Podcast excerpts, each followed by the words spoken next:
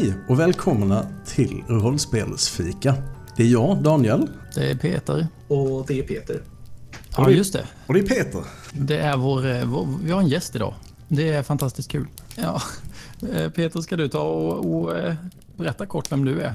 Jo, uh, ja, jag är väl en uh, rollspelare från Stockholm. Och uh, jag, har, jag gör rollspel. Jag har ett rollspels... Um, jag har ett spel som jag har hållit på att designa de senaste några år. Som heter Chameleon ifall någon är intresserad. Går tyvärr inte att ståka fram just nu för det finns inte mycket om det. Men uh, Man kan höra av sig till dig ifall man är intresserad. oh ja, absolut. Uh, Var, var finns du då? Om man vill hitta dig? Uh, jag finns i Stockholm.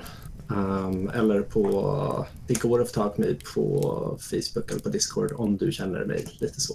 Uh, Ja, just det. Jag har inte sådär jättemånga kanaler utåt. Det kan vara ganska skönt. Säger jag av personlig erfarenhet. Vad hette spelet sa du? Det heter Chameleon. Um, och ja, det kommer lite av att uh, typ varje gång vi har satt oss ner och spelat det här medan det liksom håller på att växa fram och utvecklas så har det blivit att vi spelat någon helt ny setting. Så att det kändes lite passande. Det var ett, så här, det var ett ord som inte var upptaget um, som ändå känns som ett spelnamn. Om man säger det här ordet så kommer folk förstå aha, det här är en grej. Och sen så finns det ändå viss tematik att när man det kan byta kläder hur mycket det vill och det kommer fortfarande vara you know, samma ödla i slutändan. Ja, vi kommer, säkert, eh, vi kommer säkert glida in på det lite grann, känner jag efter att ha eh, snackat med dig lite grann. Vi, vi träffades ju eh, på Gothcon nu i Ja. våras. Eh, det, var, det var ett bra konvent, mycket, mycket nya bekantskaper. Eh, och där du var en av dem. Så det är kul att du vill vara med. Ja, men absolut. Det är jätteroligt att vara här. Vad, har- vad har vi för ämne idag? Vi, det, vi har eh, sp- spånat fram det här ihop lite grann. Jag tänker att den övergripande titeln är gränser i rollspel. Sen tänker jag att det finns ju, finns ju en massa olika varianter på det där. Ska vi definiera det mer än så? Vilken typ av gränser är det som, som vi pratar om? Alltså när jag pratar om gränser och när jag arbetar med gränser i rollspel så brukar det ofta handla om vilka typ av teman vi känner oss bekväma att ta upp. Eller liksom vilka typ av situationer vi känner oss bekväma att porträttera. Så ofta är det liksom på den här nivån att så här, vad för innehåll vill vi ha i vårt rollspel? Den typen av gränser. Mm. Det känns ju ganska bekant eh, tycker jag. Eh, Vi, vi har ju pratat mycket om, om eh, tidigare liksom att man måste kunna eh, ha, föra samtal om vad det är för typ av innehåll man vill se i, i sin spelgrupp och, och eh, även, även vikten av, av, av att spela med människor som man eh, känner liksom en tillit för så man kan eh, ta upp eh, saker som gör, antingen gör en obekväm eller som man vill eh, ja, problematisera. Uh, ja, men det här, just det där med tillit tror jag är en väldigt stor grej. För jag brukar spela ganska mycket med människor som jag inte känner. Uh, ofta att jag har, håller i en drop-in-rollspel med Dock Chameleon då oftast via en spelförening någonstans. Och det är ju människor som ofta aldrig har träffat mig, ofta aldrig kanske har träffat varandra och som liksom slängs in i den här rollspelsmiljön. Och då blir det ett jättestort ansvar på mina axlar att jag ska se till att alla trivs och har roligt och spelar rollspel så som de förväntar sig lite grann. Så jag tycker att just att prata om gränser för att kunna bygga upp det här förtroendet till varandra kan vara en väldigt viktig grej. Men då det låter det som att ni, ni pratar om gränser före ni spelar. Ja. Uh, jag tror att det kommer lite grann av uh, i drop-in situationer så blir det det att efter att jag gått igenom hur reglerna fungerar så uh, blir det ganska läget att prata om det innan. Det handlar ju någonstans om att sätta förväntningar för den, speciellt när det är liksom nya människor. Mm. För jag, jag, jag kan känna lite grann att när man pratar om det här med, med gränser och obekväma teman och, och sådär så är det väldigt lätt att man ja, men man går efter normen lite grann. Vad tycker de flesta är jobbigt att prata om? Och då blir det liksom, då, då blir det våldtäkt och, och eh, våld mot barn och allt vad det nu är. Eh, Mm. Som, som de flesta tycker är, är liksom obehagligt. Och, men sen å andra sidan så tror jag att det är inte, det är inte jättemånga spelgrupper som slänger in det heller. Alltså även ifall man inte pratar om det i förhand så är det inte så superofta som det dyker upp. Eller? Jag tror att i mitt fall så är det att jag har nog lite fler saker jag brukar lägga på min lista uh, än just så här en del väldigt så här, sådana konkreta saker. Mm. Um, mycket har att göra i de sammanhang jag ofta spelar som ofta är liksom, uh, ganska feministiska eller rakt ut queer-feministiska föreningar. Och då finns det ytterligare nivåer av krav vi ställer på varandra. Men det kan också handla om att, att vi faktiskt har det här samtalet först och nämner att vi ska undvika de här sakerna och prata om att vi ska sätta gränser, vi ska göra de här sakerna. Alla kan säga nej, alla kan pausa. Det ändrar ju en slags dynamik i rummet. När, um, då, för att risken om man bara förutser, men vi vet ju att vi inte ska ta upp jobbiga saker, eller hur? Mm. Är att om någon tycker att någonting är jobbigt så kan det vara väldigt svårt att vara den som är den och säger till. Eller Absolut. det kan vara det här att man hamnar, är det riktigt läge att säga till nu? Jag vet inte, när, när ska jag dra min gräns? Och har man pratat om det innan och sagt okej, nej men vi tar upp allting som känns jobbigt. ehm, så är det ändå tydligt för alla involverade att nej men, ska tänka efter och det ska vara bekväm med allting som sker. Ja, det var lite det jag ville, ville komma till också. Att alla har ju sina individuella teman som man tycker är obehagliga. Och jag tänker att det är många gånger de här mer subtila ämnena som, alltså de, det är några som tycker att det är obehagligt men de flesta kanske inte gör det. Det är där det blir på något sätt viktigt.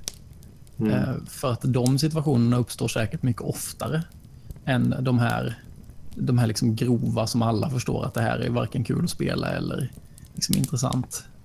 Mm.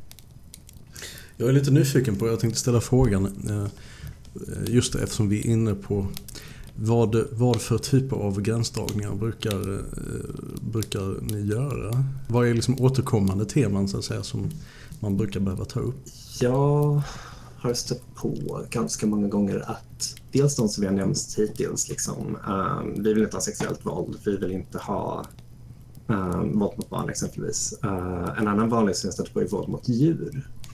Jag tror att det är nog mer för de kretsar jag rör mig, att det är väldigt många veganer där. Då vill, finns det väldigt många veganer som inte vill att någon ska skada den där ekorren. Liksom. Annat är sådana saker som fobier är ju väldigt viktigt att ta upp. Och då brukar jag ofta ge ett exempel på en, just exempel på en fobi som... Jo, men ett exempel var en gång när jag spelade en skräcksession och uh, liksom, det skulle vara så himla gotiskt. Jag hade först slängt in dem i en så här, på ett mysterium i uh, ett bibliotek som ledde ner till en katedral och liksom hela den här saken. Och mitt när vi kommit fram till den stor, stora läskiga platsen under det djupaste djupa Um, så rörde de sig igenom den här uh, gigantiska katedralen under då och började känna saker och insåg att vänta nu, det här är nog spindelväv. Där fick jag reda på att en av mina spelare hade en spindelfobi. Ja. Så det var ju inte jättelyckat. Uh, som tur var så kunde vi avstyra det där och säga nej, inga spindlar, inga spindlar. Uh, så det blev, vad blev det? Jag tror det blev um, muterade tusenfotingar istället. Um, det storymässigt är det ju exakt samma sak, men ja, det är ju som vilket eh, monster som helst. Insert random encounter. ja, men precis. Jag menar, i en sån situation så hade det varit lättare om vi hade tagit det i början. Så hade det gått att uh, hitta något kanske lite mer intressant än just tusenfotingar. Jag tänker mig en sån sak som man skulle kunna säga, säga ifrån om är liksom så här att jag, jag vill inte att vi ska backstabba varandra. För det har jag pratat om flera gånger tidigare att jag, jag vill gärna känna lagkänsla när vi spelar rollspel. Alltså att man, visst man kan jävlas sinsemellan och sådär och så här, se vart varandras gränser är. Men det är, det är på något sätt på det fiktiva planet. Och sen i själva gruppdynamiken, där vill jag generellt sett ha ganska lite blid. Jag vill liksom att det ska kännas som att vi gör det här tillsammans, så att alla eh, ger och tar. Så att när det blir sådana situationer där jag känner mig förrådd på riktigt, tycker jag är fruktansvärt jobbigt. Men jag tror inte att det är så många som Alltså när man pratar om gränser så, så jag, jag vet inte om jag själv hade sagt det som en, som en grej. Jag tror det, det, det, kan ju vara någonting i, i ehm, om, om man har liksom börjat, väl kommit in och, och börjat spela rollspel i ett sammanhang där det inte är van, vanligt att man, man, man diskuterar sådana här saker så kan jag förstå att det blir, det blir svårare att börja göra det eh, senare också. Kanske inte svårare men att, att det, är liksom, det är inte en del, en del av den lokala kulturen liksom att man, man pratar om det är bara ett spel. Eh, kanske någon säger. Och det tycker jag känns väldigt, väldigt billigt. Ett sätt att komma undan att, att diskutera att det här vi har ju svårt att, separera oss från våra roller. I alla fall jag, jag tycker att jag har det. Liksom man känner ju ändå ett modikum av, av empati för sin karaktär. Det var väl konstigt annars kanske? Mm. Ja, så definitivt. Jag menar, det är ju samtidigt... Um, så som jag tänker på det så blir det ju... Det är fortfarande en gräns du sätter, men du sätter en gräns kring vad för typ av spelardynamiker du har, vad för typ av berättelse du vill ha snarare än vad du vill att innehållet ska vara. Sånt är ju precis lika viktigt egentligen. Och där glider det väl lite över i vad för förväntningar man har när man sätter sig ner och spelar. Och det gör det väldigt så här, överlag med gränser om man inte förväntar sig att en viss sak ska dyka upp så kanske man inte nämner det i förväg. Men förväntar man sig att alla ska samarbeta och sånt så visar det sig att när spelledaren har förberett ett intrigonspel där alla ska backstabba varandra mm. så kan det ju bli en ganska stor problematik där. Ja, precis. Jag tror att generellt sett när vi pratar om folk som inte har spelat så mycket så tror jag att i början är det nog lättare att eller jag vet inte, det kanske är lika svårt vilket som. Men jag tänker att ibland så fokuserar man väldigt mycket på när man pratar om gränser. Alltså för gränser, det, eh, antyder ju på något sätt vart man inte vill att det ska gå. Vart, vart, är liksom, vart ringar vi in det som vi vill ha? Men jag kan tycka att ibland är det mer fördelaktigt att liksom peka ut vad det faktiskt är man vill ha. Eh, alltså så här, vad ska vi sträva mot på något vis? Jag vet inte, inte vad det är svårt att göra egentligen kanske. Det är faktiskt något jag också brukar prata om när jag har mina drop-in-spel. Uh, för det är någonting jag märkt väldigt mycket för att jag spelar med väldigt många olika människor. Jag, aldrig, jag har oftast ingen aning om vad de har gjort innan uh, mm. rollspelsmässigt. Eller så har de gjort väldigt olika saker och man behöver liksom sätta en baseline ändå. Så jag brukar säga, jag vill att ni gör det här. Jag letar efter den här typen av berättelse. För ofta har jag förberett någonting. Så exempelvis är det ett mysterium så kommer jag säga till mina spelare att jag vill att ni ska utforska och sådana saker. Ja. För det finns det också ett samtal att göra om vad för typ av rollspel det man förväntar sig. Just det här att alla, en del gånger när folk sätter sig ner vid ett spelbord så förväntar de sig okej, okay, jag är här för att slå tärningar och se vad som händer. En del gånger så sätter de sig ner vid ett spelbord för att nej men, jag vill spela en galen berättelse och se var den hamnar. Så på samma sätt så kan man ju i den diskussionen ta upp, jag kanske helst ser att vi spelar ett spel där vi är en grupp som samarbetar med varandra för att jag inte tycker om känslan av när det blir för mycket backstabbing. Där är ju problematiken på, bland traditionella rollspel som är så pass flexibla att man ja, de, de har strukturer för hur man, hur, vad som händer in game, hur det löses mekaniskt och sen tillbaks till fiktionen. Men det finns inte så mycket strukturer kring liksom varken vad man spelar eller vad syftet är eller vilken gruppdynamik man ska ha. Så det, det är väldigt öppet till att spela nästan vad som helst. Och det där kan man inte luta sig tillbaks på och säga att det här är ett spel där man där man jobbar i lag eller det här är ett spel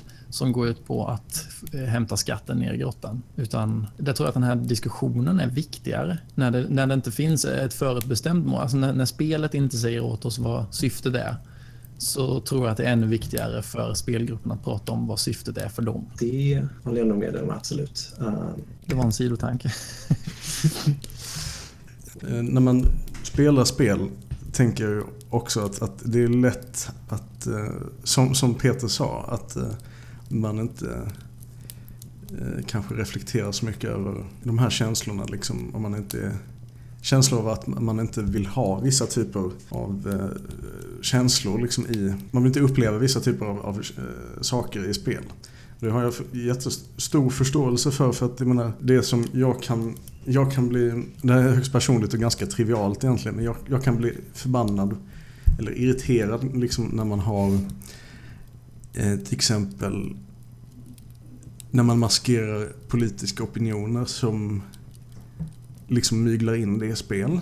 Rättare sagt, nu ska jag poängtera väldigt tydligt. Jag eh, menar alltså att när det, när det är politiska åsikter som jag tycker är vidriga mot människors rättigheter Right. kan bara, nej men okej, det, det är bara att du inte problematiserar eh, din sån här eh, rich persons perspective på, på spel. Eh, eller på, på karaktärerna utan de bara, nej klass, vi har samma, klass, samma klassproblematik i spel som vi har på riktigt och det är helt okej.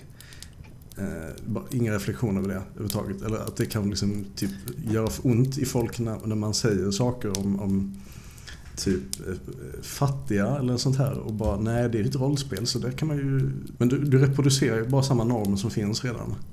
Mm. Utan att, Där säger du ändå någonting som jag tycker är väldigt rimligt att ta upp, väldigt viktigt att ta upp. Just, det blir liksom så här, okej, men om vi så som uh, Peter då har pratat, sätter igång den här rollspelssessionen utan att ha pratat om gränser innan och tar med oss det vi förväntar oss och de någonstans normer om det här är okej, det här är inte okej. Då tar vi också med de normer som vårt samhälle har. Då kommer det ofta med en ganska mycket saker som i alla fall jag personligen tycker är rätt skit. Uh, så just en av de sakerna jag alltid nämner när jag har den här diskussionen om gränser med speciellt en grej nya spelare, det är en lista av olika typer av förtryck som jag inte vill se reproducerat i mitt rollspel. Den brukar börja med ingen sexism, ingen rasism, ingen homofobi, ingen transfobi. Det är alltid det första jag nämner. De här sakerna porträtterar vi inte om vi inte kommit överens om det. Och i ett sånt samtal där man redan börjar prata om de här sakerna um, så är det jättelätt att nämna, ja men kanske, jag kanske inte vill spela med klassfärg. Det kanske är någonting som jag tycker är obekvämt. Och då vet hela gruppen att okej, då undviker vi det. Det är, liksom, det är ett sätt att skapa en miljö i en spelargrupp där vi är, blir mer medvetna om vad för normer vi ändå väljer att visa. Ja, det var, jag tror det var, det var det jag ville försöka säga så att eh, det blev lite fel. Alltså inte, inte det här... eh, Man problem- problematiserar liksom inte det man tar med sig in, det bagaget Ja. man tar med Precis. helt enkelt. Eh, Och det är ju särskilt liksom påtagligt liksom, jag erkänner, ja, men jag sitter i en sits där, där jag som, som liksom dels vit cisman inte drabbas av det värsta Eh, som samhället har att erbjuda. Jag bara känner liksom att jag kan man inte liksom bara skippa det här för att menar, det, det, vardagen är inte alltid så rolig. Måste vi ta med oss det in i spel också. Det är väl inte... Alltså verkligen. Um, men det som är spännande är att den som jag ändå märker av i som flest spelgrupper, att det som är som vanligast att det kan lätt slinka in, det är just oftast alltså det som slinker in i explicita förtryck, det är oftast sexismen. Um, det är någonting som ingen av oss tre särskilt stöter på särskilt ofta kan jag tänka mig um, i vår vardag. Men det är ändå någonting som väldigt enkelt hamnar i de här typer av grupper som rollspel ofta är. För att det är väldigt mycket män som spelar rollspel. Det är väldigt mycket män som umgås med andra män som spelar rollspel och är vana vid att Nej, men det här är väl ingen grej. Det här gör ingenting. Nej, precis. Sexism, vad, vad är det? Ja. Har aldrig blivit Ja, Ja, jag vet inte vad det är, men jag bryr mig inte om det i mitt rollspel i alla fall. Väldigt avgjort bryr jag mig inte om det för det har inte med mig att göra. Eller? Hur var det nu? Ja. Ja, fast du är också utsatt för typ idiotiska normer som säger hur du ska vara för att vara propert manlig eller vad det nu kan vara. Oh ja, oh ja. Uh, det är jättespännande de förväntningar folk har på kön överlag i rollspel. Det är ju, handlar inte direkt om gränser, men det är någonting jag håller på med ganska mycket och just försöker ofta ganska aktivt problematisera just hur vi protesterar olika typer av könsuttryck och liknande saker. Vad, vad kan det vara till exempel? Då? Det blir lite det här spännande i och med att vi ändå arbetar i det här uh, mediumet som ändå är väldigt lingvistiskt baserat. Det är liksom språkbitar vi pusslar ihop för att bygga en berättelse. Så sättet som vi uttrycker kön på överlag är ju hur någon beskrivs eller hur vi refererar till dem. För att vi har inget faktiskt utseende att titta på. Vi har inga kläder vi väljer. Um, det, är liksom, det är hur någon beskrivs.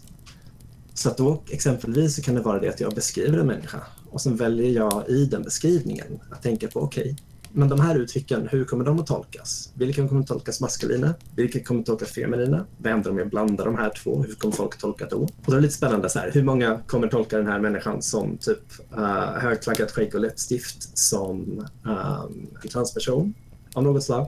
Och hur många kommer tolka det som drag queen? det är jättespännande.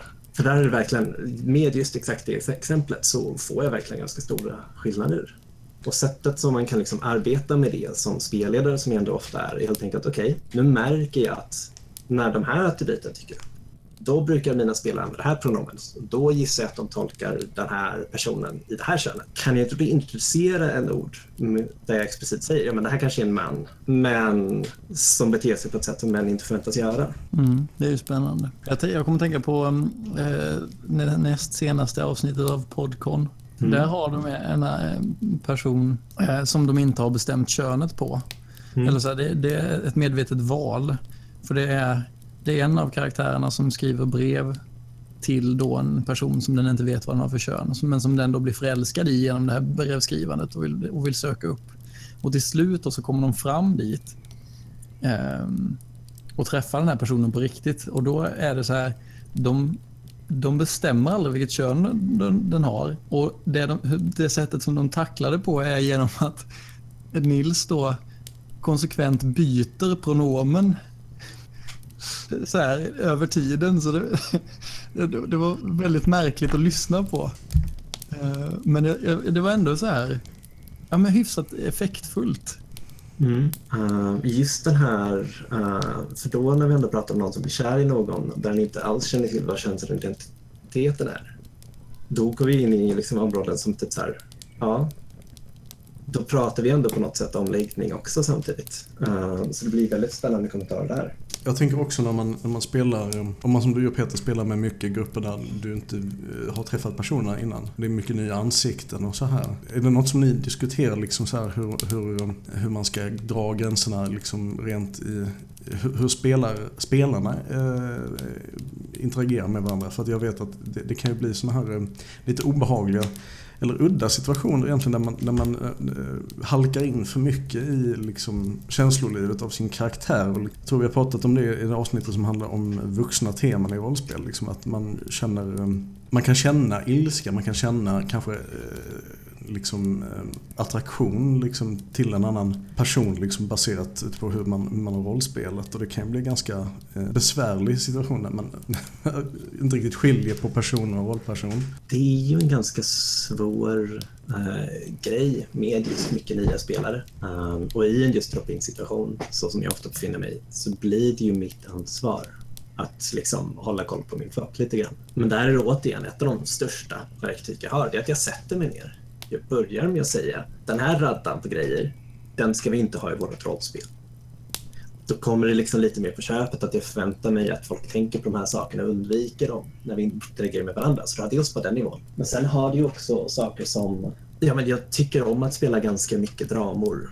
Då blir det väldigt mycket konfrontationella situationer och det blir liksom mycket av den här typen av drama som du beskriver. Och då är det ju så att i de system jag spelar så har jag som spelledare när som helst möjlighet att stoppa en scen. Och sen så har vi dessutom eh, i den här, så att dels så kan jag märka att okej, okay, nu tror jag att någon går lite över gränsen här, det här ser lite suspekt ut. Um, jag är helt, tycker jag att det här kanske är lite för vass så kan jag ju pausa och poängtera det att här, kan vi tona ner det lite grann. Um, det var en bra scen, men det kanske blev lite för verkligt. Nu tar vi liksom, lugnar ner oss lite grann.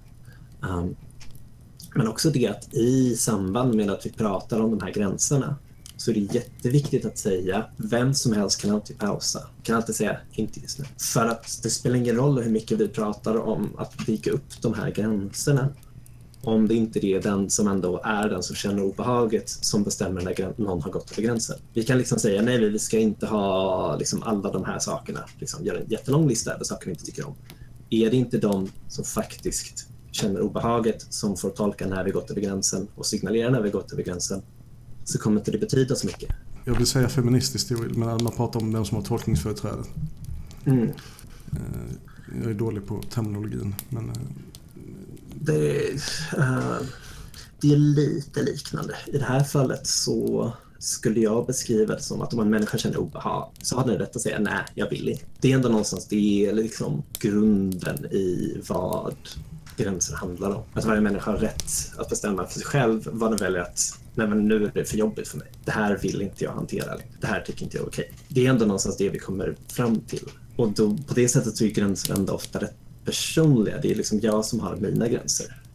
Men om vi diskuterar i en grupp så lägger vi kollektiva gränser. Och då blir det alltid att någon måste tolka den gränsen, tolka vad vi kommit överens om. Exempelvis säga vi ska inte ha rasism här. Då måste vi tolka det. Och då blir det en stor fråga, okej, okay, vem ska tolka vad rasism betyder i den här gruppen? Jo, om vi går tillbaka till det här med personliga gränser. Den som behöver, den som personligen påverkas av det här är den som har det som en personlig gräns. Och den gränsen borde ju ändå vara ganska viktig. Så det är lite så jag tänker kring det här. Men är det inte lite svårt? Men jag tänker att det är ju inte alltid som man vill, som man vill säga ifrån. Och så ifall, ifall man nu har den här kollektiva gränsen som är lite högre upp eller verkar vara lite högre upp än vad ens egen gräns är. Är det då inte väldigt stor risk att man Liksom. Men att man då inte säger någonting, att man, utan man väntar tills alla säger ifrån på något vis. Och det här är ju liksom det som är så himla svårt, för att det är det som alltid är risken. Hur gör man då för att minska den risken? Jag brukar ge de absolut, alltså nu kan det här låta lite läskigt, men jag brukar ta de exempel som folk har som svårast att ta seriöst som möjligt och nämna dem som exempel på saker som jag har tidigare haft, tyckt var jobbigt eller så. Um, exempelvis brukar jag nämna min jag brukar exempelvis nämna, ja, men jag personligen har en spindelfobi. Så om jag stöter på en spindel tycker jag det är jobbigt, då säger äh, nej. Um, nu brukar ju folk respektera fobier väldigt mycket. Men det finns, uh, så kommer jag på nu, jättebra exempel på någonting som skulle liksom kunna vara kännas ganska mild. Men det är sådana saker som att någon gång har vi pratat om uh, att spela rymd sci-fi skräck och en människa poängterar för mig att det är väldigt viktigt för den här människan att vi inte ska ha någon våld mot djur. Och det är ju det är väldigt lätt i den situationen för att det kommer förmodligen inte finnas några djur i rymden. Men det är ändå liksom så här, det ska ändå bemötas med exakt samma allvar. Och det blir ändå här att alltså om man visar att folk ändå har sina egna personliga gränser och att de pratar om att de ska tas på allvar så tror jag det hjälper rätt långt. Ja, jag ser det som att det finns två stycken liksom nivåer av obehag. Eller kanske, eh, det, det är såklart ett spektra. Men liksom längst, längst ner, eller vad man ska säga, där är fobierna och de här grejerna som verkligen får stora liksom, kroppsliga effekter. Mm.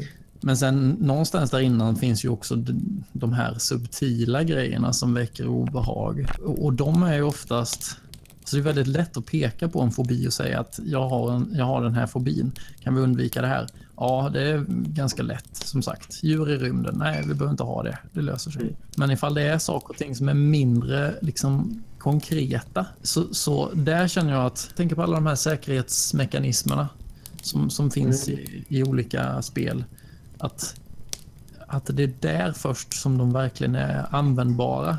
När någon liksom drar det här kortet eller visar på att nu känner jag obehag fastän folk kanske inte fattar varför. Mm. Det är de gångerna som, som jag tänker att man behöver ha en extern eller mekaniserad, eh, mekaniserat sätt att säga det på. Istället för att man ska säga att nej, nu, jag gillar inte det vi håller på med nu. Eller att man, jag vet inte, att man ska behöva uttrycka det i ord. För mm. Det kan vara otroligt svårt när det inte är någonting som är konkret. Jag tror att ett bra exempel på den typ av problem du nämner, det är, det är en vän till mig som jag har spelat några gånger som lider av PTSD.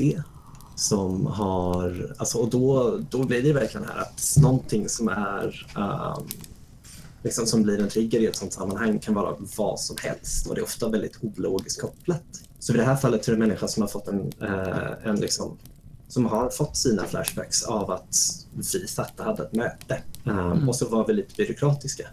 Och det här har kopplats till en grej som har kopplats till en grej som får hela raddan att komma igång och you know, sen behöver vi hjälpa den här människan som inte liksom, eh, i det här fallet knappt kan röra sig längre. Mm. Så jag menar, det, det kan ju vara riktigt ospecifika saker och saker som är väldigt svåra att peka på. Så att jag tror att det är väldigt, en väldigt viktig komponent av det, att man ska aldrig behöva förklara riktigt varför man har en gräns. Så det blir liksom, ja, det, det, är en jättebra grej att ha det här kortet och det är väldigt, väldigt viktigt i vissa sammanhang och det är bra att ha liksom, en konventionaliserad symbol, speciellt i rollspel där det, så här, det ska vara tydligt att man kan tolka, är det jag som pratar nu eller karaktären som pratar nu?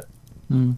Men det finns ändå en ganska viktig grej i det här att komma ihåg att måste vi motivera varför vi har en gräns så lägger det till ett extra hinder från att sätta en gräns. Ja, och om vi från början säger att nej, du får sätta gränser, du får pausa när som helst. Vi kan avbryta, det är inget lugnt. Vi är alla här för att ha roligt. Det ska inte vara obekvämt. Du behöver inte förklara varför du har en gräns. Är det den här X-card-mekanismen? Precis, precis. Det är den vi pratar om tror jag. Ja, Bara för att tydliggöra för lyssnare som kanske inte vet vad det är för någonting. För att eh, det var väl, det är väl inte helt, eh, det är kanske vanligare men det, det, det, är det allmän kunskap tror jag? Alltså för det är, Nej. det är ett jättebra koncept tycker jag. nej det är väl inte allmän kunskap, det tror jag inte. Men vi har ju pratat om det lite grann tidigare. Men grundprincipen är ju att det ligger ett kort på bordet och när man rör det kortet så betyder det att man känner obehag.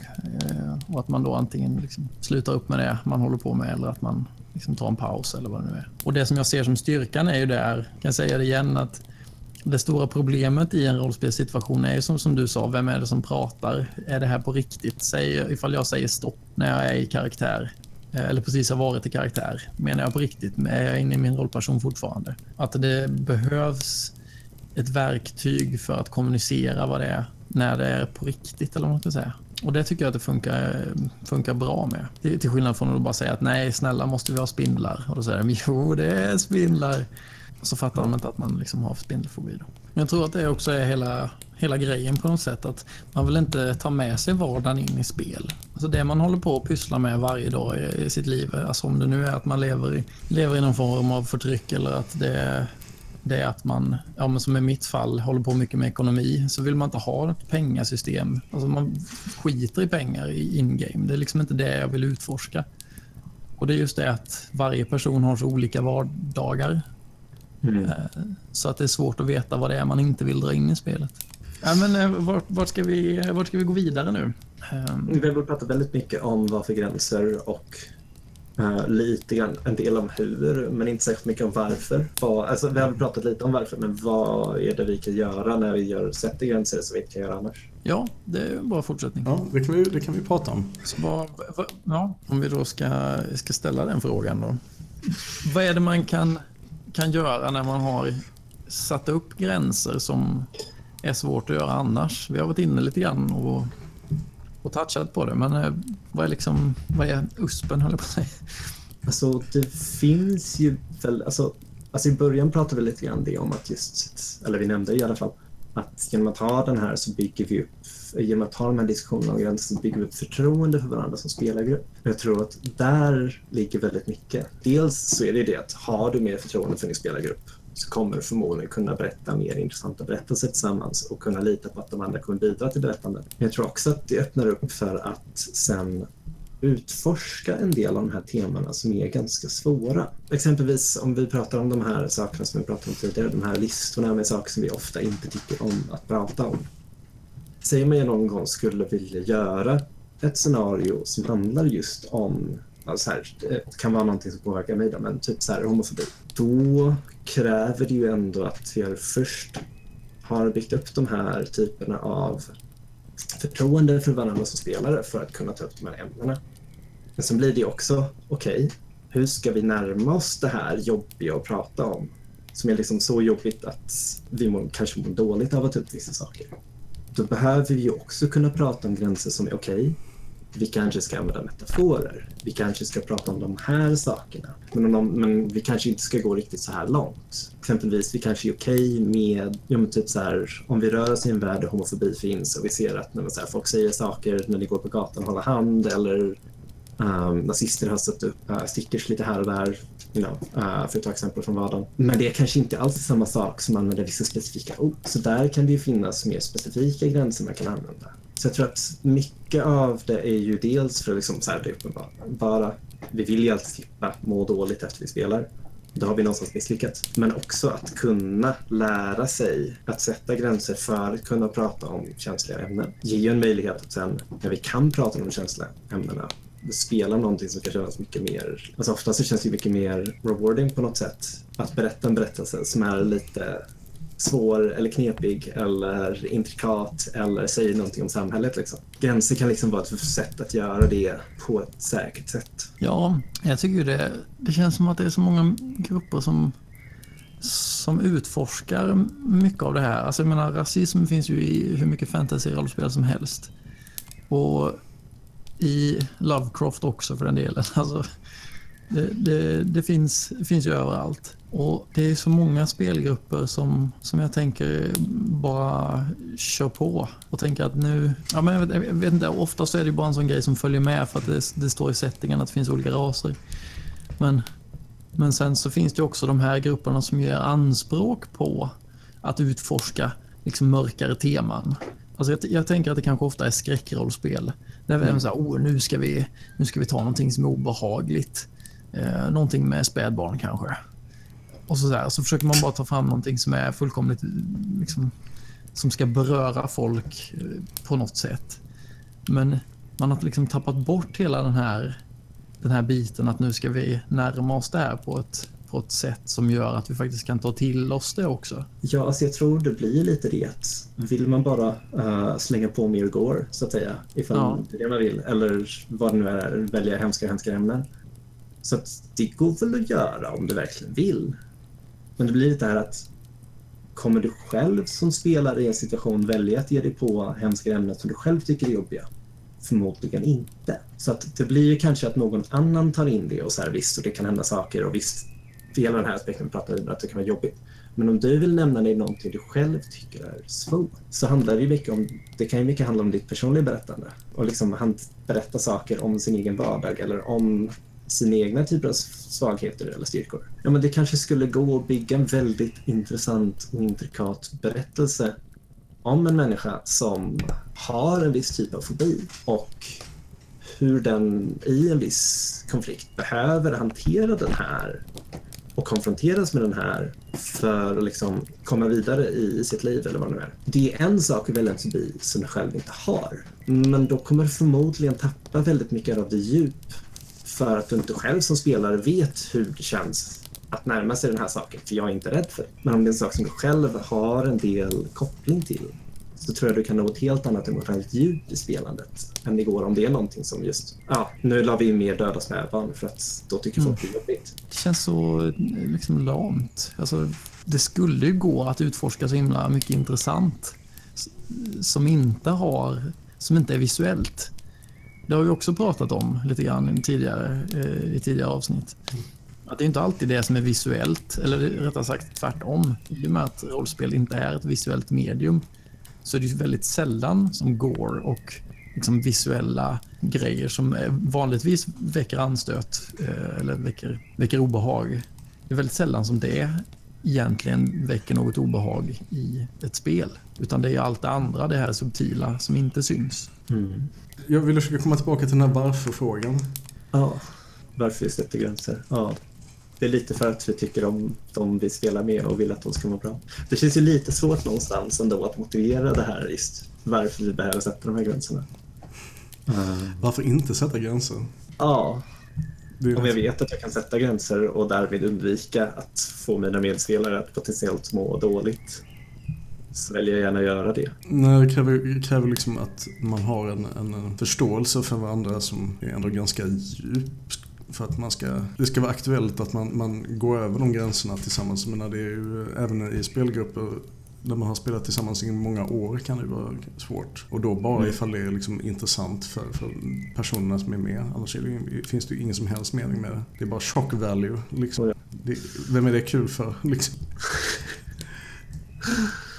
En elak spelledare kanske. Men eh, en spelgrupp som disintegrerar av sig själv förr eller senare. Folk ledsnar. Ja. Det känns ju så här, det, det vill man inte heller att det ska hända. Nej. Jag tror ändå att det finns ju en hel del saker som går att göra lättare om man tänker mer på hur man arbetar med gränser. För jag menar, det finns ju en del rollspel Um, nu är mina referenser lite så här jätteutdaterade för att jag inte uh, hängt med i någon form av indiescen på flera år. Men jag menar om du tänker på spel som Dag Eat Dag som släpptes 2014 någonting. Mm. Där har du ju ett spel som liksom pratar om kolonialism på ett sätt som får folk att reproducera de beteendena. Och sådana spel kan ju vara fantastiskt lärorika och fantastiskt emotionellt intensiva och som en upplevelse vara någonting verkligen utöver. Men då blir det också här att ja, men här händer jobbiga saker. Just, jag menar, om, speciellt om vi pratar om berättelser som koloniala berättelser så händer det riktigt jobbiga saker. Då hamnar vi liksom någonstans i att jag vill ju inte att mina spelare, eller de jag spelar med, ska må dåligt. Och då vill jag veta vad får dig att må dåligt så att vi kan kanske inte klampa i klaver. Jag ska inte simplifiera för, mycket, men det känns ju, när man, när man sitter och diskuterar det så här, så känns det ju på något sätt som ett väldigt självklart hänsynstagande. Liksom, det, egentligen så menar, du, du, du går ju inte fram till någon och, och, bara säger saker som provocerar eller får den personen att må dåligt. Och man, det är som frowned upon i andra sammanhang. Så, mm. jag, jag tänkte dra en parallell till en spelkultur, liksom, om vi tittar på tv-spel och PC-spel. Om vi ska gå den vägen, för där är det ju, mm. det här är ju ett problem som, i alla fall liksom varför folk, folk diskuterar ju som, ja varför ska vi ha den här typen av, varför ska vi problematisera till exempel sexism i spel? Det är bara spel. Det är ju bara en chainmail bikini. Hur illa kan det vara, right? Ja. Så that. Ja, men vi måste ha överdrivet sexualiserade karaktärer i, våra spel. För annars så... så ja, men det, det, kom igen, ni, ni kommer att köpa det i alla fall. Det är, så, det är så sunkig dialog. Men vi kan ju tolka det i de ord och termer vi använde tidigare. Okej, okay, men om vi har kollektiva liksom, gränser som vi kommit överens om, eller i det här fallet kanske ett spelföretag som har sagt att det här är det som är okej. Och då blir det, eller om vi ska köra på att vi tycker att vi inte ska vara dryga och ha någon som har idé om det, så blir det ju frågan okej, vem är det som tolkar det här, vad som är drygt? Och i en rollspelssituation så pratar vi om att vi tyckte om den här idén med att alla som är involverade kan säga att nej, just nu så är jag den som upplever obehag och då säger jag nej. I den här situationen så är det någon som har upplevt obehag, sagt nej och så kommer andra människor säger nej, nej, nej, nej, nej, nej. Det är jag som ska tolka vad som är obehagligt. Det är inte du som ska tolka vad som är obehagligt. Och jag har tolkat att det här är inte obehagligt. Du, du, tycker du det här är obehagligt så kan du bara låta bli att köpa spelet, kanske. Den är ju en klassiker. Känns det Fast å andra sidan, vet man det när man köper spelet? Ah, nej, det är klart man inte gör. Det, så det, det kunde man ju inte alls. nej. Det är fruktansvärt eh, låg nivå på man blir så, jag blir så deprimerad för den, den spelkulturen är ju, det är ju inte annorlunda. Jag vill, jag vill, man vill gärna tro att det är liksom, folk som spelar rollspel är mer känsliga för sånt här men det, det, folk är ju folk trots allt. Det finns gift i, i den här kulturen också. Så där har väl nästan uh, lite grann den anledningen till att jag faktiskt pratar om gränsen så himla mycket är just på grund av den här kulturen. Det är just för att liksom dra mitt strå, strå till stacken och ge den här Eh, liksom, vita straighta stubbar ska bestämma allt-kulturen en känga. Liksom. För att ja, jag vill inte ha de normerna.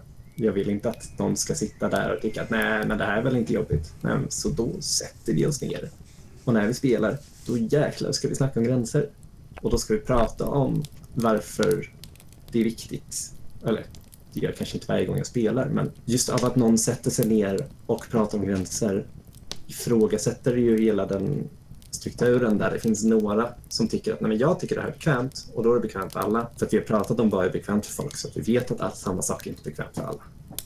Ja, just det. Och, och liksom, ja, absolut. Och, och all den här eh, som vi var på i början när vi började snacka.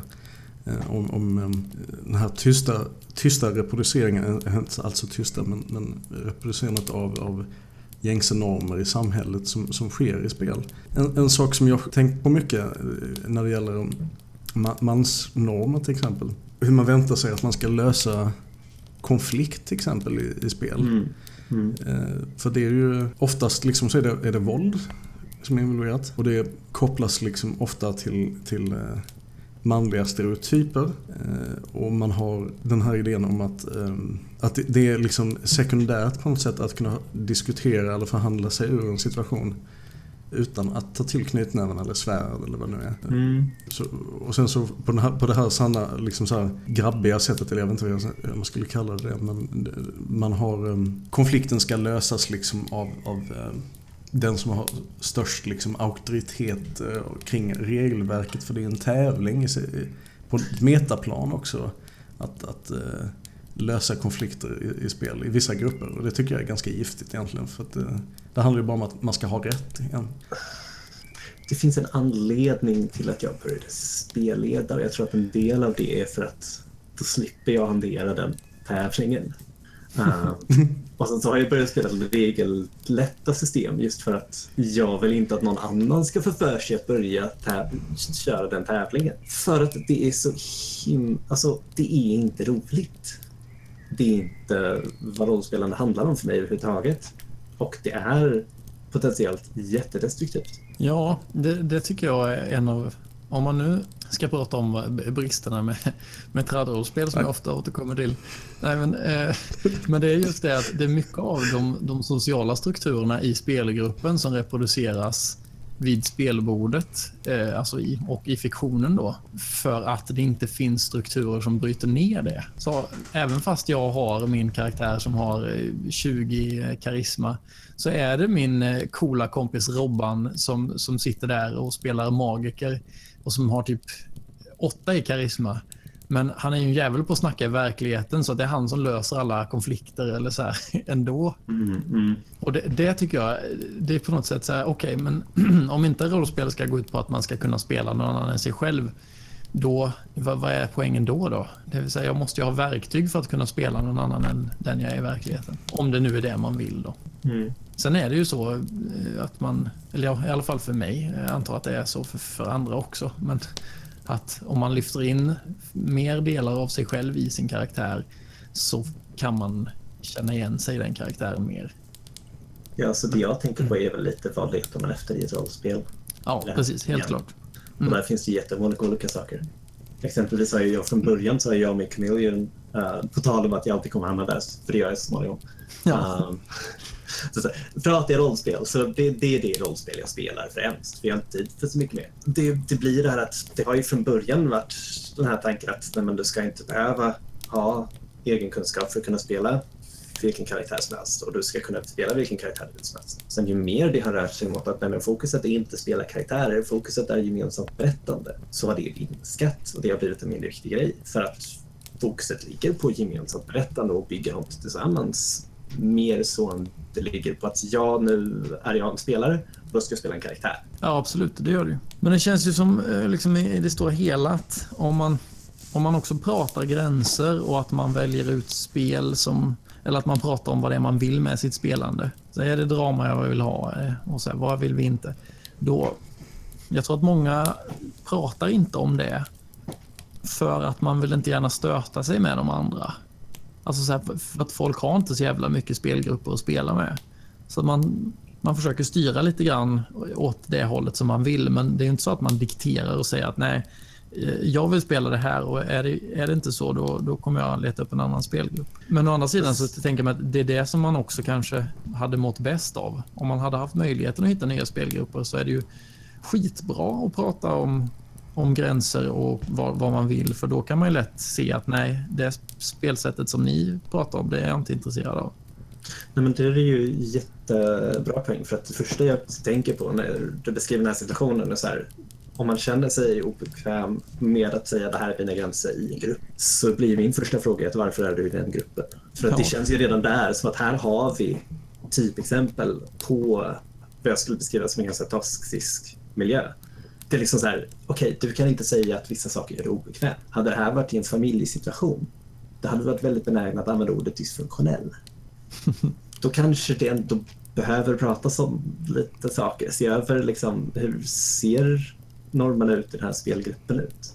Jag förstår helt klart att man, man är, man är liksom, det, det, kan vara så att, att folk tänker på det här viset och det är jättesynd och jobbigt att det ska behöva vara så. Nackdelen är med att en så här, för, förhållandevis ganska liten hobby. Det är, det är inte som, som, som, gaming liksom i övrigt när man har jättemånga människor som spelar tv-spel och PC-spel. Och här så tror jag också det är ehm, det är inte jättelätt att som vem som helst i en spelgrupp ta upp att man har vissa gränser man vill prata om. Jag tänker speciellt eh, någonting som jag ofta har hört från eh, kvinnliga vänner till mig att de tar inte inte upp särskilt ofta i grupper. Om det är en grupp där det är liksom, de är den enda kvinnan och sen är resten bara män, vilket är ganska, för, verkar vara hyfsat vanligt ändå, så kommer de inte nämna att de tycker sexismen är jobbig för de förväntar sig en backlash där.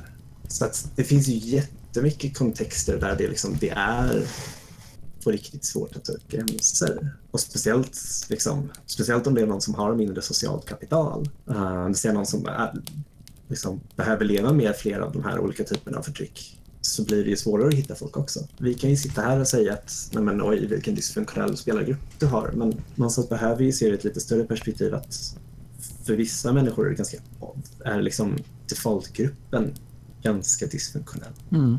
Ja, det, det har jag också kommit till insikt med. Alltså, och, jag, och jag vet ju också med mig själv att det är flera av dem som jag spelar med som jag liksom känner, känner att ja, okej, okay, jag inser ganska snabbt att vi har inte samma fokus. Men det är inte så att jag avbryter spelmötet och går hem för det. Utan man, man försöker ju få det att funka ändå för att, nej, jag vet inte. Det, det är liksom där, man, man, man förlikar sig med att okej, okay, jag, jag, kommer inte ha så kul som jag kanske hade haft i ett optimalt läge nu. Men det kommer kanske fortfarande vara ganska kul. Och ibland mm. blir man förvånad över, alltså, även fast man inte tror att det kommer bli så kul så har man kul. Det har ju också hänt. Liksom. Mm. Nej men det här med, det är ju liksom en... Eh, om du, om du skulle översätta det du precis sa Peter till ett, ett förhållande till exempel. Då skulle vi nog få ganska starka varningsklockor. Vänta lite nu, vad menar du nu? Nej men alltså det, typ att man, man, man stannar hellre kvar i ett eh, giftigt förhållande än att eh, eh, Eh, så att säga eh, söka sig vidare för att det är helt enkelt för svår, jobbigt och liksom känslomässigt jobbigt att eh, byta. Ja, fast jag menar det är ju, det, det är ju nästan precis samma situation tänker jag. Alltså för det är ju inte alltid som man i ett förhållande heller kommer överens hundraprocentigt. Eller det är väldigt ofta man inte gör det. Utan det, där är det ju också mycket givande och tagande. Och jag, jag tänker mig att alltså man, man, kan ju inte gå omkring hela livet och leta efter den som är perfekt. För det vet man ju inte heller vilken det är. Eller så, va, va, va, ja, det vet man inte från i efterhand. Liksom. Och jag tänker att det kanske är lite samma sak med spelgrupper.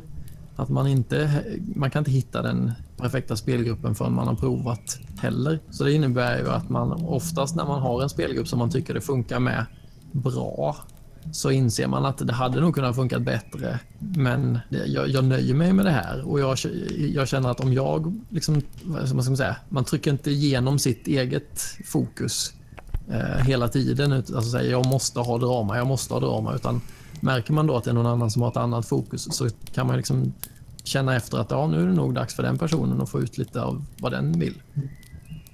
Jag tror nog att Um, där, där märker jag lite grann av så här, där har folk lite olika situation uh, i hur när de söker sig till grupper. Mm. Um, och jag har ju det i, nu är det mycket lättare för mig att prata om min egen upplevelse än andras upplevelse, men jag har stött på ganska många. Och det blir konstigt om jag ska sitta och berätta om andras upplevelser, men jag vet att det är ett ganska stort problem inom rollspel, speciellt för kvinnor och, och folk som allmänt uppfattas som kvinnor av omgivningen.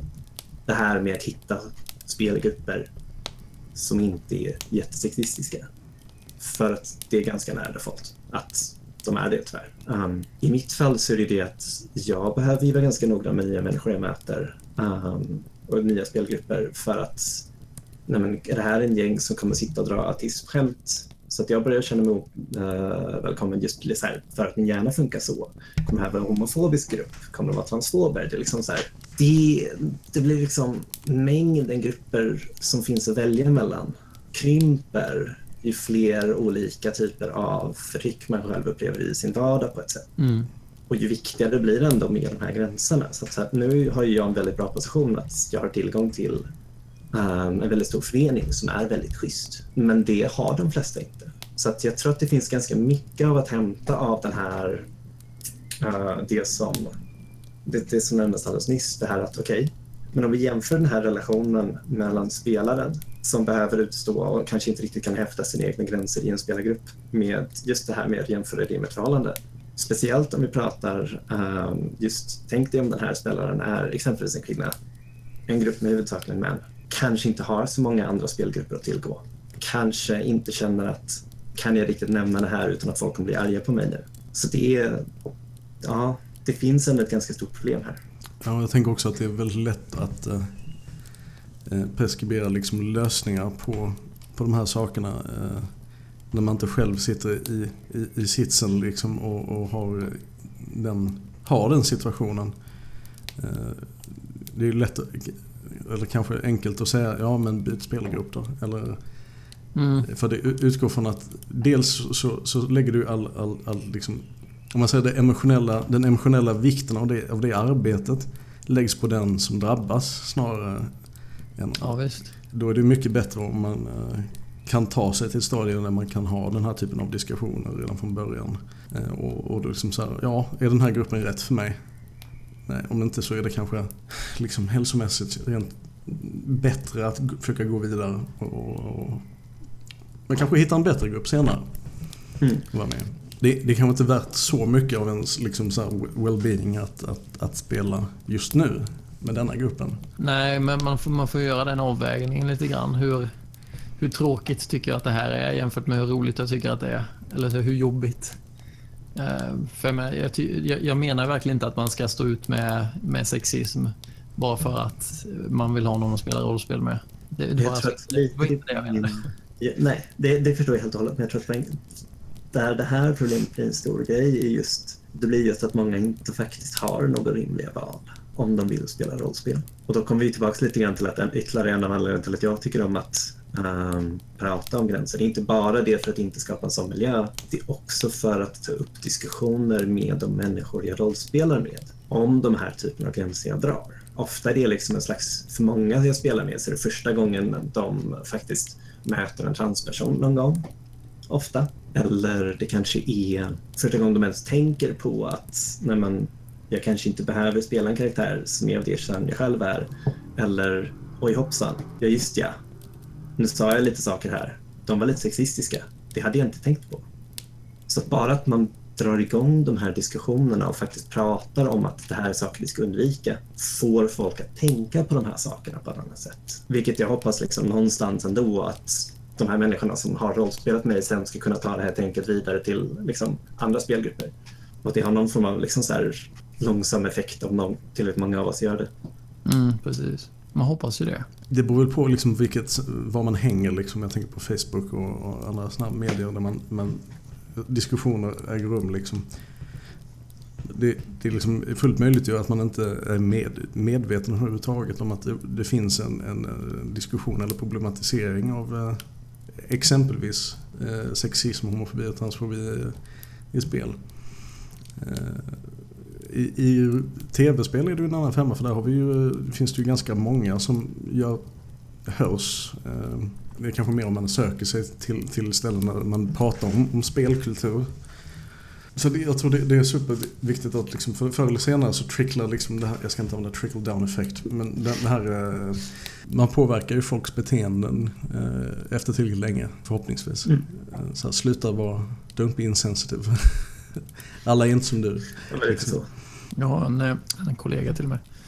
Um, som, som berättar att när hon spelade rollspel för jättelänge sedan så, så fick, eh, fick hon inte spela man. Eh, utan hon var tvungen att spela samma kön som hon hade i verkligheten.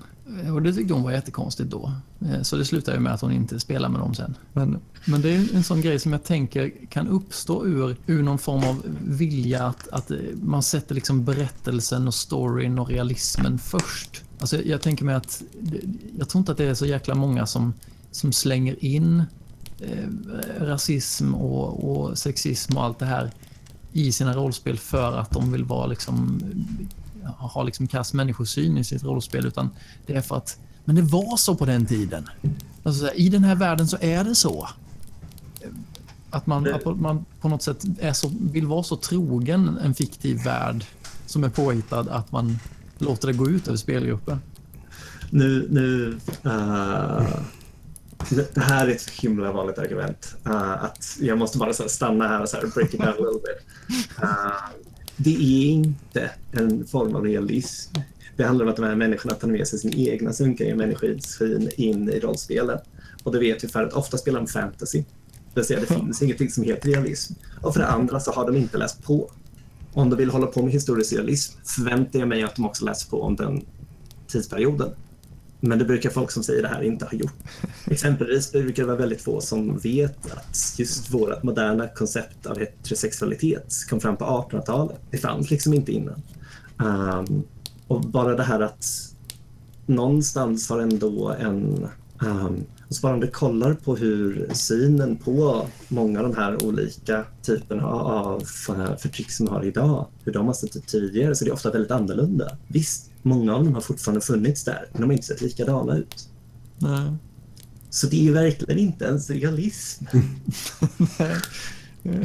men, men, men, jag tänker mig att det, liksom, det återkommer mycket. Alltså de vill, det är sådana som är intresserade. Ja, men ett, ett, ett långsvärd var faktiskt inte så långt.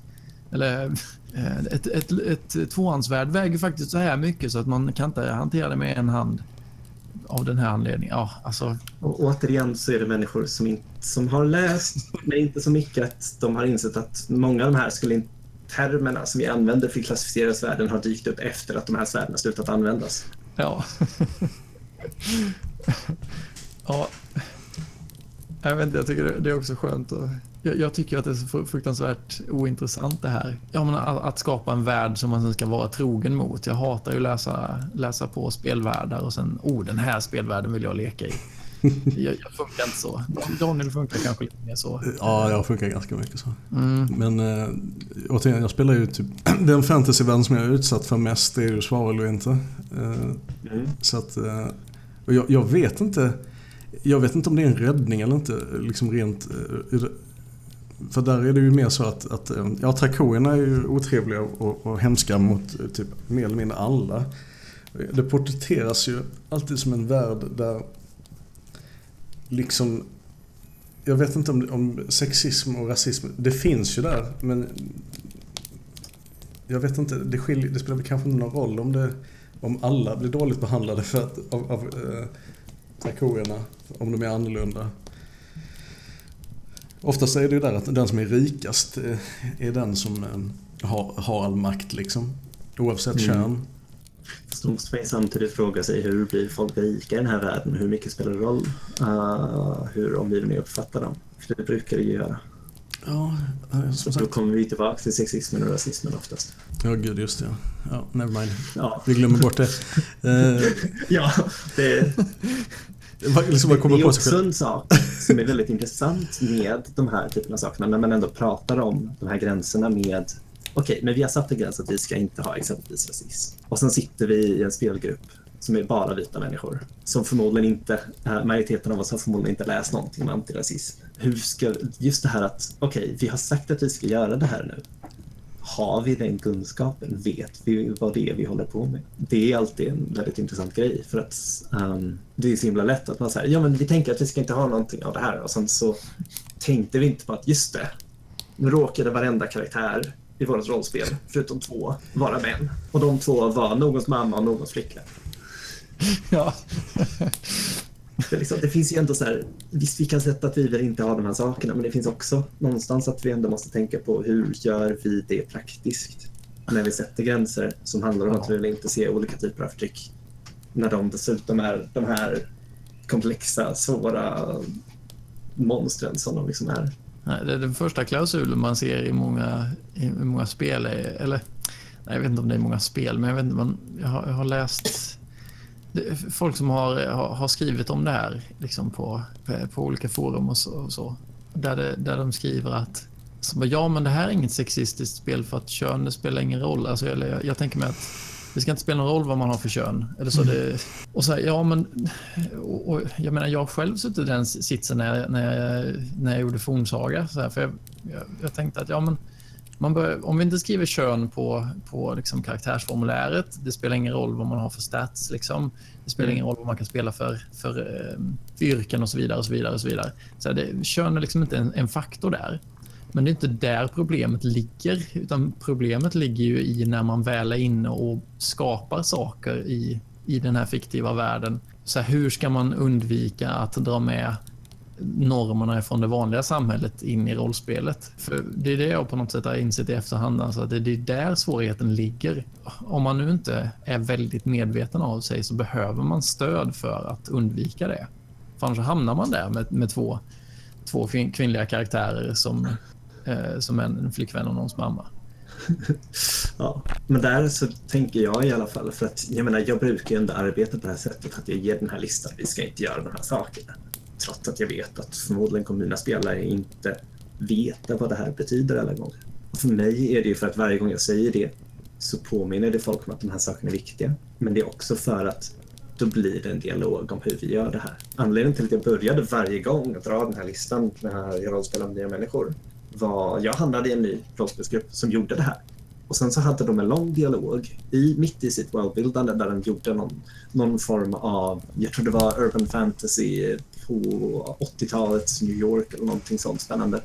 Mm. Så pratar de okej, okay, men hur ska vi göra en miljö som där sexism inte förekommer? Då bland annat pratar de om jo, men press på att ha, hur att förmodligen, de ville fortfarande ha det här att det är en äldre tid så därför så är det större press på vara proper. Men samtidigt kunna undvika den dubbelstandard som finns mellan hur män förväntar sig kläder på sig kontra hur kvinnor förväntar sig kläder på sig kontra hur vi behandlar människor som you know, inte gör som vi förväntar när det gäller de kategorierna. Så det blev det en diskussion kring de här ämnena som en konsekvens av att vi hade sagt att vi skulle sätta de här gränserna. Och det är väl någonstans det jag ofta siktar på. Och det är väl ändå, om vi pratar ändå om, pratar om att sätta gränser i våra rollspel för att vi inte ska såra de som finns i omgiv, här, här och nu. Är vi bara vita så är det förmodligen inte så många som kommer bli personligt sårade av att vi har rasism här. Liksom, om vi nu har det i uh, vår spelvärld. Men det faktum att vi pratar om, okej, okay, men hur kan vi försöka, hur skulle en värld utan rasism se ut? Är ändå liksom någon form av börja ta några steg mot att tänka på det i vardagen också. Mm är förhoppningen. Absolut. Ja, men precis som i Dag Eat Dag eh, ligger för övrigt eh, överst på min att spela-lista nu. Att man där genom att spela spelet så får man någon form av inblick i hur det är. Alltså hur det är att vara i den situationen. Mm. Och det känner jag, det är ju... För att det, det, är oftast det som saknas på något sätt. Att man, ja, men man spelar med, med de här samhällena med sina strukturer. Men man får liksom ingen känsla för vad det egentligen innebär det liksom bara är en, en klädedräkt som är lite sunkig. Liksom. Det hade varit häftigt med fler spel som, som verkligen lyckas med det på ett bra sätt. Alltså, det här eh, Dog Eat Dog, det här man... Eh, ja, ni sa det innan, kolonialism, men är det, är det det här där, där eh, den ena eh, sidan så att säga alltid har fördelar? Jag läste på lite grann nyligen och det fungerar som så att det är en av spelarna runt spelarbordet som är uh, kolonialmakten. Så när helst det är någon som är kolonialmakten eller på något sätt eller någon av, från liksom, den folkgruppen som kom dit um, så är det den spelaren som har hand om det. Och bland det första det här spelet gör är att jo, uh, den, alltså bland de första stora sakerna som man behöver tampas med när man spelar det här spelet är att det är den personen som är spelaren som är rikast som ska spela kolonialmakten. What? Så det, det är bara dags att börja prata om hur mycket du tjänar. Ja. Där börjar vi. Det, det är skitkul. Oh my god. Ja. Uh, och sen bygger du upp regler allt eftersom och har currency-system för att incentivera vissa typer av beteenden. Um, också för en slags mätare för hur långt är det ifrån att gå fullständigt åt skogen åt dig. Nu blir det väldigt mycket att jag sitter och bara uh, säljer det här spelet. Um, Men det är väldigt det, det, är för övrigt gratis. Eller det så, pay what you want. Så att, ja, men då så. Det, det känns som att det här skulle kunna skapa den här typen av konfliktsituation som Monopol. liksom, ja, Fast jag tror att det är väldigt annorlunda typer av konflikter. Ja. Det skapar konflikter. Men det är å andra sidan så har du där handlar det lite grann om att där handlar det lite om förväntningar också. För att när du sätter dig ner och spelar dag i dag så är det för att du vet att du vill prata med de här människorna du har valt ut att spela med det här spelet så vet, sätter du ner och pratar, spelar det här spelet för att vi vill prata om kolonialism och vill känna hur det kändes lite närmare hur det faktiskt kändes. Det kommer alltid gå. Aldrig liksom. Återigen, här sitter vi vita, förmodligen majoritetssvenskar um, och kommer inte ha haft den upplevelsen på det sättet. Men det kan ge en liten smakbit. Liksom. Ja, men jag tänker att det har ju på samma sätt som du eh, sa att, man, att ni försökte hitta ett sätt att hur kunde det se ut ifall det inte fanns rasism i det här samhället så är det ju på något sätt en tankeövning som utbildar lite grann. Mm. Och det är ju väldigt, eh, ja, en positiv grej tänker jag.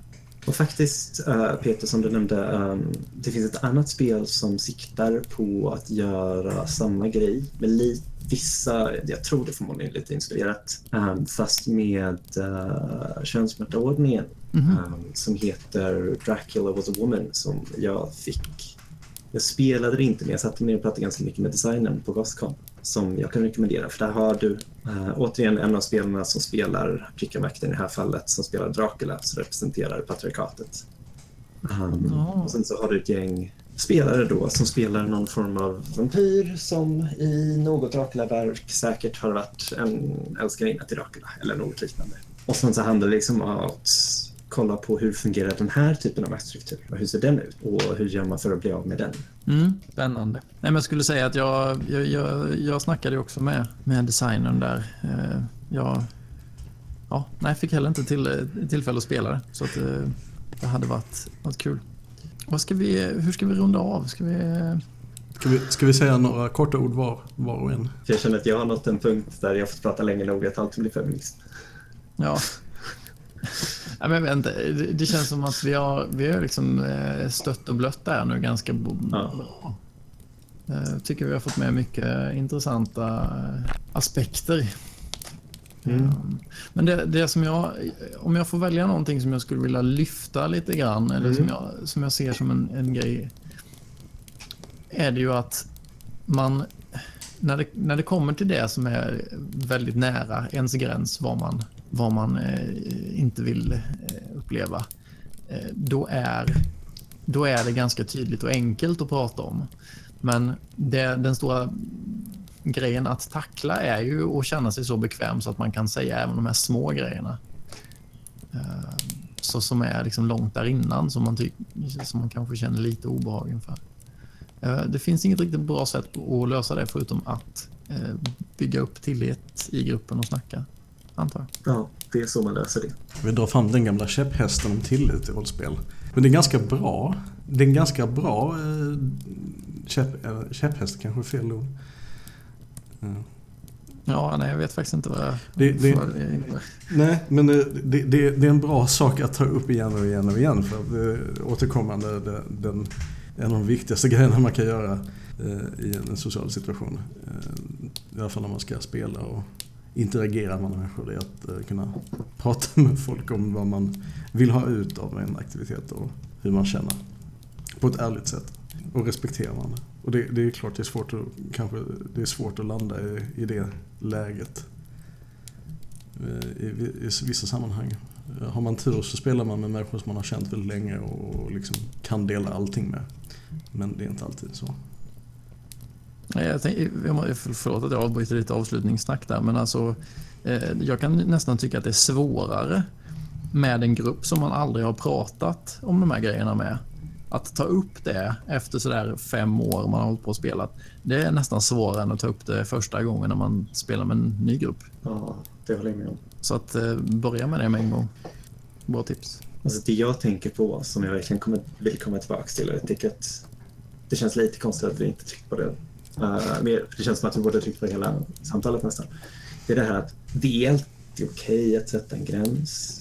Och du behöver inte någonsin förklara för någon annan varför du har valt att sätta den här gränsen. Om du väljer att det här är jobbigt så har du rätt till För det är ändå någonstans du som är den som vet hur din upplevelse ser ut. Och det spelar ingen roll vad andra tycker om en viss sak. Det säger ingenting om hur du upplever den saken och du som person har faktiskt rätt att hävda att det var faktiskt så här jag upplevde det här. Det är bara du som äger din egen upplevelse och det är jätteviktigt i väldigt många sammanhang. Speciellt när vi pratar om gränser av olika slag. Um, då, ja. eh, jag tänker att vi avslutar med att tacka dig Peter för att du var med. Det var himla mm, intressant. Det var trevligt. Jättetrevligt. Ja.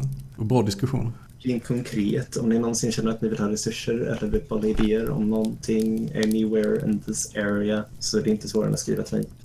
Jag har ju ganska mycket erfarenheter av att prata om gränser med nya rollspelsgrupper exempelvis. Med det så eh, tackar vi så hemskt mycket för, för kvällen. Eh, jag hoppas ni har en, eh, en alldeles underbar fortsatt, eh, jag vill säga sommar.